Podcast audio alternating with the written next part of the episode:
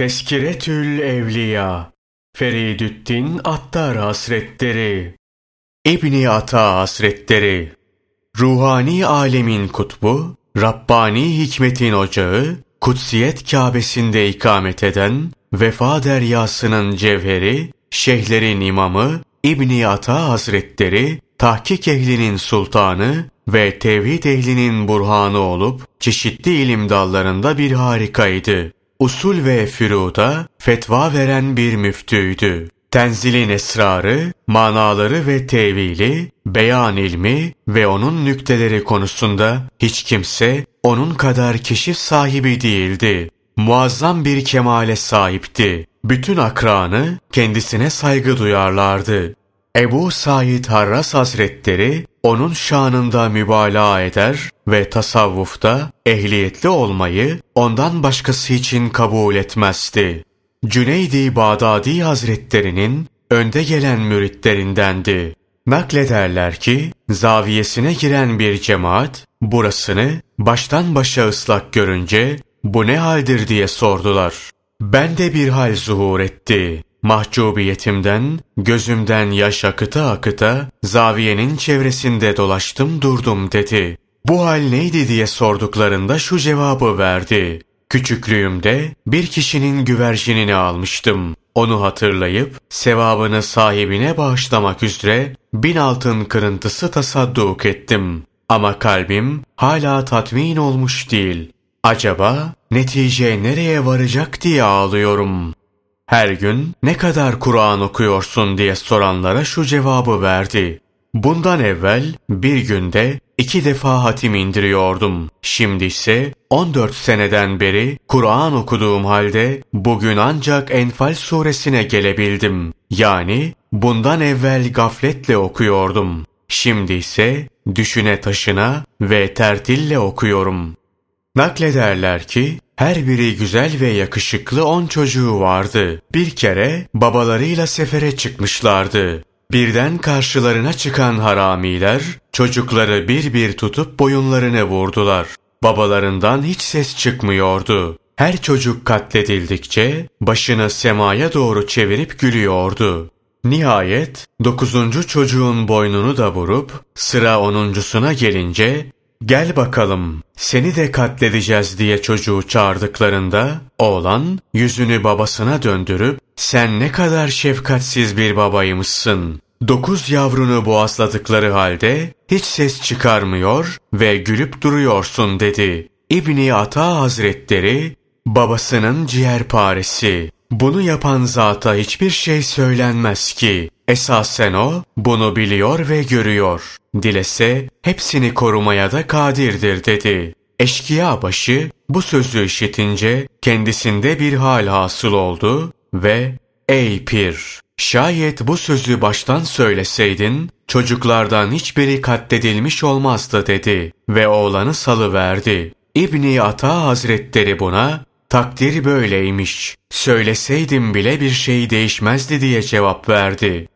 Naklederler ki bir gün İbni Ata Hazretleri Cüneydi Bağdadi Hazretlerine zenginler fakirlerden daha üstündür. Çünkü kıyamet günü zenginleri hesaba çekerler. Hesaba çekmek itap konumundayken vasıtasız olarak kelamı, ilahi hitabı işittirmek manasına gelir. İtapta dosttan dosta olur dedi. Cüneydi Bağdadi Hazretleri eğer zenginleri hesaba çekerlerse fakirlerden de mazeret isterler ve böylece onlar da ilahi hitabı işitirler. Mazeret hesaba çekmedeki hitaptan daha iyidir diye karşılık verdi.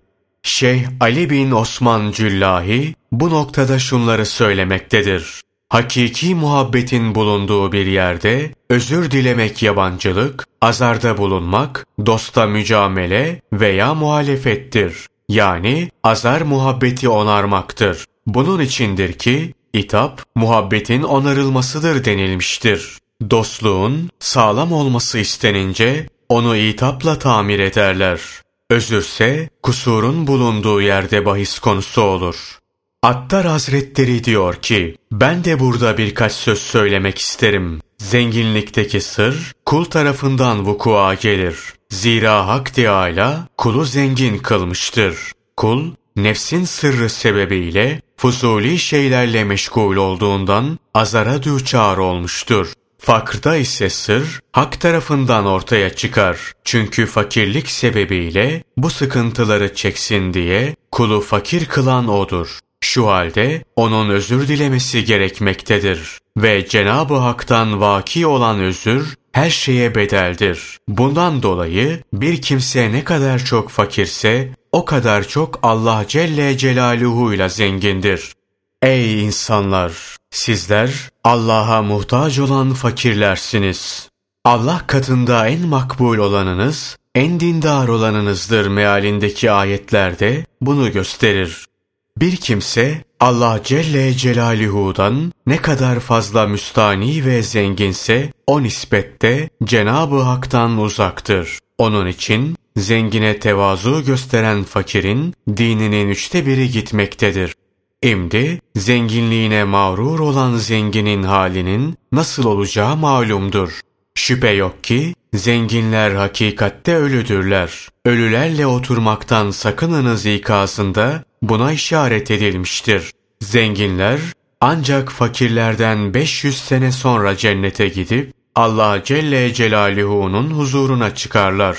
500 yıl beklemeyi icap ettiren bir azar, sahibini 500 sene evvel vuslata gark eden bir mazeretten nasıl daha iyi olabilir? Ayrıca Hazreti Peygamber sallallahu aleyhi ve sellemin aile fertleri hakkında fakrtan başka bir şey layık görmemiş, buna karşılık yabancılara bol bol servet verilmiştir. Buna ne demeli? Bu durumda zenginler fakirlerden daha faziletlidir denebilir mi hiç? Şu halde söz Cüneydi Bağdadi Hazretlerinin sözüdür. Bazı kelam alimleri İbni Ata Hazretlerine siz sufiler mutat konuşma dilini terk ederek dinleyicilerin kulağına garip gelen bir takım kelimeler türetmiş bulunuyorsunuz. Bunun ancak iki sebebi olabilir. Ya gerçekleri ters yüz ediyorsunuz, halbuki Allah Teala'ya olanı olduğundan başka türlü göstermek mümkün değildir. Veya mezhebinizde bir sakatlık zuhur ettiğinden söylenen sözlerin anlamlarını bu yolla halktan gizliyorsunuz dediler. İbni Ata Hazretleri şöyle cevap verdi. Bunun sebebi şudur. Bu bizim için izzettir. Zira bize göre en aziz şey bu iştir. O yüzden bu zümreden başkasının bunu bilmesini arzu etmiyoruz. Bu tasavvuf işi için umumun kullandığı malum kelimeleri kullanmak istemediğimizden bir takım hususi tabirler vücuda getirdik.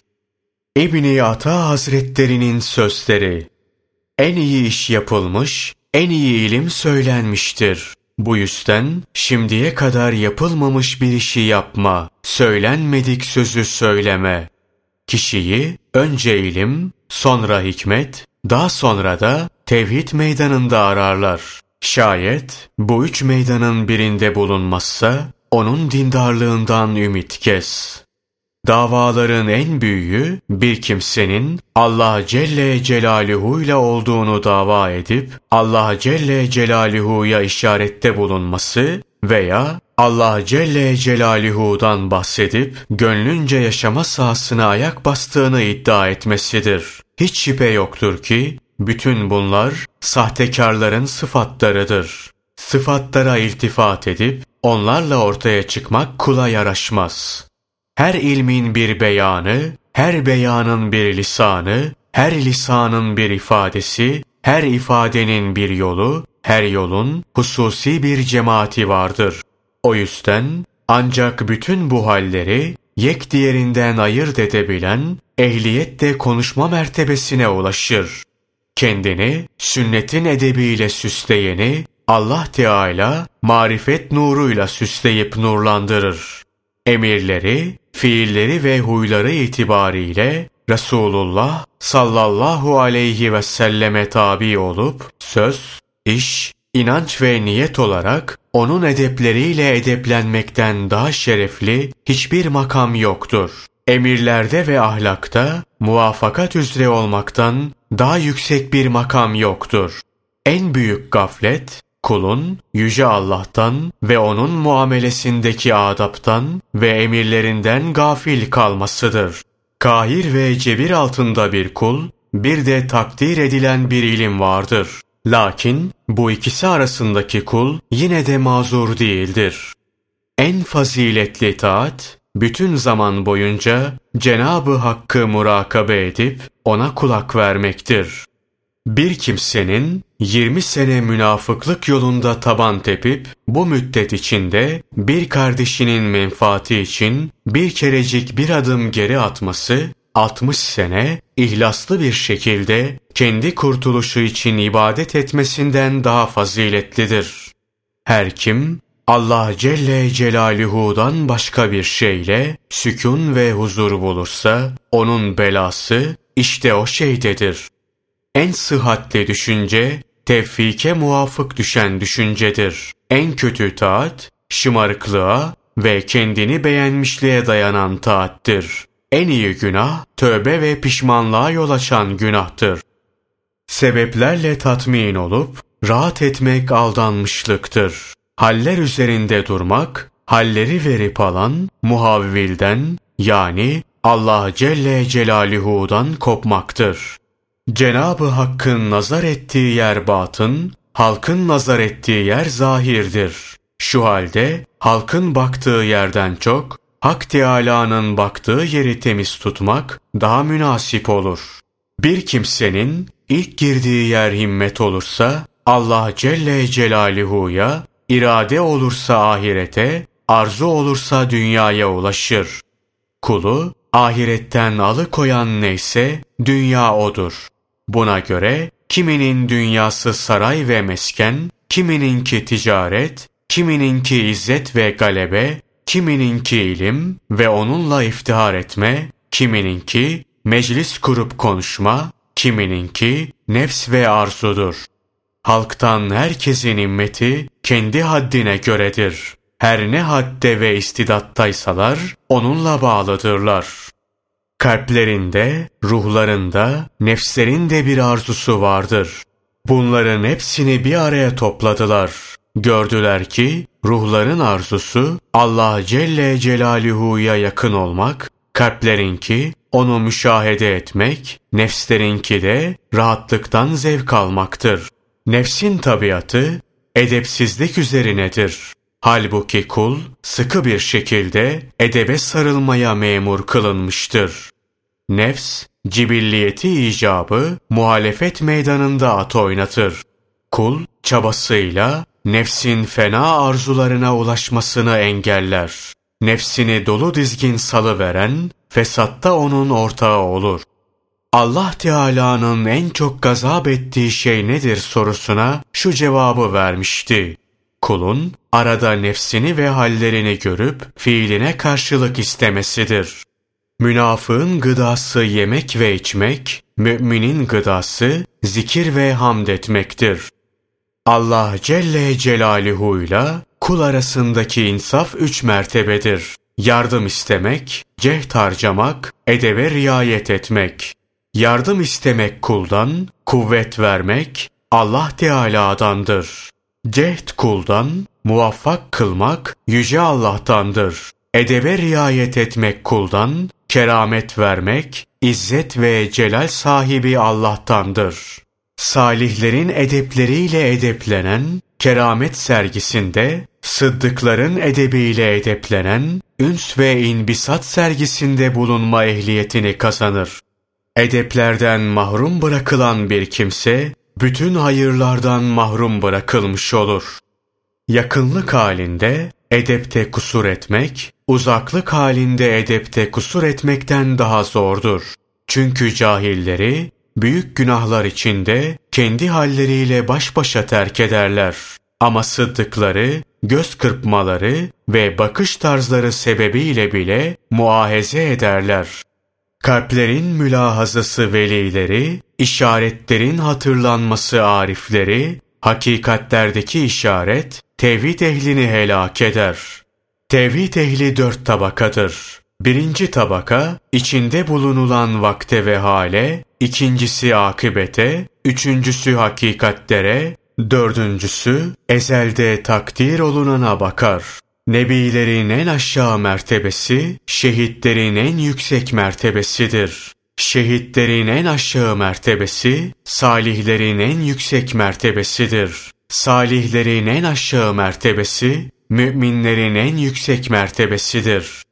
Allah Teala'nın öyle kulları vardır ki, dürüst bir şekilde Allah Celle Celaluhu'ya ermişlerdir. Bunların gözleri ebede kadar onunla aydınlanmıştır. Hayatları ancak onunladır. Kalpleri ona erdikleri için yakinin verdiği sefa ile daimi olarak ona nazar ederler. Onların hayatı onun hayatıyla kaynaştığından hiç şüphe yok ki bunlar ebede kadar asla ölmezler. Sırda rububiyet tecelli eder de bunun sahibi nefes alırsa artık bu onun üzerine haram olur. Gider ve bir daha hiç geri gelmez. Yarenlikte ve muhabbette gayret ne kadar iyidir. Himmet, arızi şeylerden hiçbirinin geçersiz kılamayacağı bir şeydir. Himmet, dünyada olmayan şeydir. Sevenin hayatı kalple, özleyenin hayatı gözyaşıyla, arifin hayatı zikirle, tevhid ehlinin hayatı lisanla, tazim sahibinin hayatı nefesle, himmet sahibinin hayatı nefesten kesilmekledir. Ve bu sonuncusu yanmaktan ve batmaktan ibaret olan bir hayattır. Tevhid ehlinin hayatı ve yaşayışı nasıl dille olur denirse deriz ki, onun batınını tevhidin himmeti kapladığından sadece dilini kımıldatması müstesna hiçbir şeyden haberi olmaz. Nitekim o büyük veli Bayezid-i Bistami Hazretleri 30 yıl var ki biz de Bayezid'i arıyoruz demiştir. Tazim sahibinin hayatının nefesle olması, dili işten kesildiği için sadece nefesinin kalmış bulunmasındandır. Himmet sahibi nefesten kesilmiştir. Zira nefes kesen o heybet içinde eğer bir solu kalsa mahvolup gider. Nitekim Hazreti Peygamber sallallahu aleyhi ve sellem benim Allah'la öyle bir vaktim var ki bu vaktin içine ne Resul olan bir nebi sığar ne de derecesi en yüksek olan bir melek demesi de buna işaret eder. İlim dört çeşittir. Marifete dair olan ilim, ibadete dair olan ilim, ubudiyete dair olan ilim, hizmete dair olan ilim. Hakikat kulun ismidir. Her hakkın bir hakikati, her hakikatin bir hakkı ve her hakkında bir hakkı var. Yani bildiğin her hakikat kulun ismidir ve nişansız ve nihayetsizdir. Nihayetsiz olunca da her hakkın bir hakikati, her hakikatin bir hakkı bulunur. Doğru tevhid, birle kaim olan tevhiddir. Seven, memleket davasında bulundu mu, sevgi mertebesinden düşer. Vecd, arzudan nişan kalmayıp, her şeyin hüzün haline gelene kadar sona ermesidir. Vecdi hatırlayabildiğin sürece, vecd senden uzaklaşır. Sevginin var olduğunun nişanı, kalplerle gayipleri bilen arasındaki perdenin kalkmasıdır. En büyük ilim olan marifetullah'ın neticesi heybet ve hayadır. Bir kimseden bu iki şey uzaklaştı mı artık onda hiçbir şey kalmaz. Ameldeki tövbesi sıhhatli olan kimsenin tövbesi makbuldür. Akıl, kulluğu ifaya yarayan bir alettir. Yoksa rububiyete yukarıdan bakıp ona vakıf olmak için değildir. Allah Teala kendisine zatı için tevekkül edenin işini dünyada da ahirette de yoluna koyar. Bu surette tevekkül eden diğer herhangi bir yönden değil sadece kendi tevekkülüyle Allah Celle Celaluhu'ya güvenmiş olur. Tevekkül yüce Allah'a en güzel bir biçimde sığınıp samimi olarak ona muhtaç olmaktır. Tevekkül, şiddetle ihtiyaç duyduğun sırada rahatsız olup sebeplere meyletmemen, sebepler üzerinde durmakla birlikte Cenabı Hak'la sükun bulma halinin hakikatinden ayrılmamandır. Marifetin üç rüknü vardır. Heybet, haya, üns. Rıza, Allah Teala'nın kadim iradesiyle kul için ezelde tercih ettiği şeyi kalbin dikkate almasıdır. Bu ise kızmayı terk etmekten ibarettir. Rıza, kalple şu iki şeyi seyretmendir. Biri, hali hazırda bana ulaşan her şey ezelde benim için tercih olunmuştur. Diğeri, bana benim için en iyi ve en faydalı olan tercih edilmiştir. İhlas, nefsani afetlerden arınan şeydir. Tevazu, kim söylerse söylesin, hakkı kabul etmektir. Takvanın bir zahiri vardır, bir de batını. Zahiri, hak ve hukuk gözetmektir. Batını da ihlas ve niyettir. Bu işin başı ve sonu nedir diye sorulunca, başı marifet, sonu tevhiddir diye cevap verdi. İki şeyde karar kılınır. Kulluğun edeplerinde, rububiyetin hakkına tazimde. Edep nedir sorusuna, güzeldir denilen şeyleri kollamaktır diye cevap verdi. Bu nasıl olur denilince dedi ki, gerek aşikar, gerek gizli, Yüce Allah, Celle Celaluhu ile olan muamelenin edebe dayanmasıdır. Böyle oldun mu, Arapçayı hiç bilmeyen bir acemi de olsan, edipsin. En üstün amel hangisidir? Her zaman devamlı olarak hakkı murakabe etmektir. Şevk nedir? Kalbin yanması, ciğerlerin parçalanması ve kalpte ateşin tutuşmasıdır. Şevk mi, muhabbet mi daha üstündür? Muhabbet. Zira şevk ondan hasıl olur. Şöyle dediği nakledilir. Hazreti Adem aleyhisselam Rabbine asi oldu sedası yayılınca altın ve gümüş hariç Hazreti Adem aleyhisselamın haline her şey ağladı. Bu ikisine Adem aleyhisselamın haline siz niçin ağlamıyorsunuz diye Allah Teala'dan vahiy geldi. Bunlar da sana baş kaldıran bir kimseye biz ağlamayız dediler. Bunun üzerine Hak Teala buyurdu ki İzzet ve celalime andolsun ki her şeyin kıymetini sizinle ortaya koyup Adem oğlunu size hizmetçi kılacağım. İnzivaya çekilmek istiyorum diyen birine sordu. Halktan ayrılıp da kimle birlikte olacaksın? Peki o halde ne yapayım? Zahirde halkla, batında hakla ol.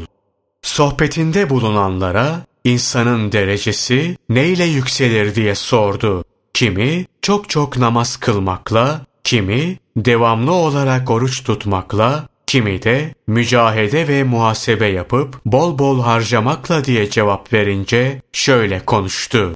Hayır hayır. Yüksek derecelere ulaşan sırf hoş huylarıyla bu mertebelere ermiştir. Baksana Hazreti Peygamber sallallahu aleyhi ve sellem hakkında şüphe yok ki sen yüksek bir ahlak üzeresin buyurulmuştur.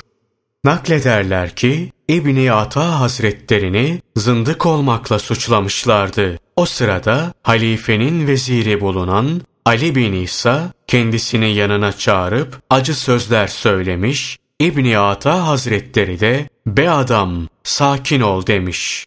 Bunun üzerine gazaplanan vezir ayağındaki postalını çıkarıp ölene kadar başına vurulmasını emretmiş. Bu darbeler arasında can veren İbni Ata, Kuddise sırruhu, Yüce Allah senin ellerini ve ayaklarını kırsın diye beddua etmişti. Bundan bir müddet sonra halifenin hışmına uğrayan vezirin ellerinin ve ayaklarının kesilmesi için ferman çıkmıştı. Bu sebeple şeyhlerden bazıları İbni Ata Hazretlerinin böyle yapmasını tasvip etmeyerek dua edilmesi gereken bir şahsa niçin nefsi için beddua etti? Ona dua etmesi icap ederdi demişler. Diğer bazıları da onu mazur görüp mümkündür ki vezir zalim olduğundan Müslümanlar adına ona beddua etmiştir demişlerdir.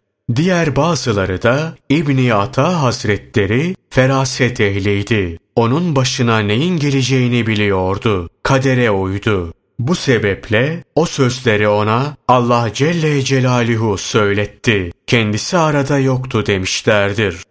Bana öyle geliyor ki İbni Ata Hazretleri onun kötülüğünü değil, iyiliğini istediği için bu şekilde konuşmuştur. Gerçekten de vezir, dünyadayken horlanıp, serveti, makamı ve mevkii elinden alınmış, çektikleri, yaptıklarına kefaret olduğundan şehitler derecesini kazanmıştı. Bu güzel bir yorumdur. Bu dünyada çekilen ceza, o dünyada çekilecek olan cezanın yanında basit kaldığından İbni Ata Hazretleri onun iyiliğini istemiştir. Vesselam.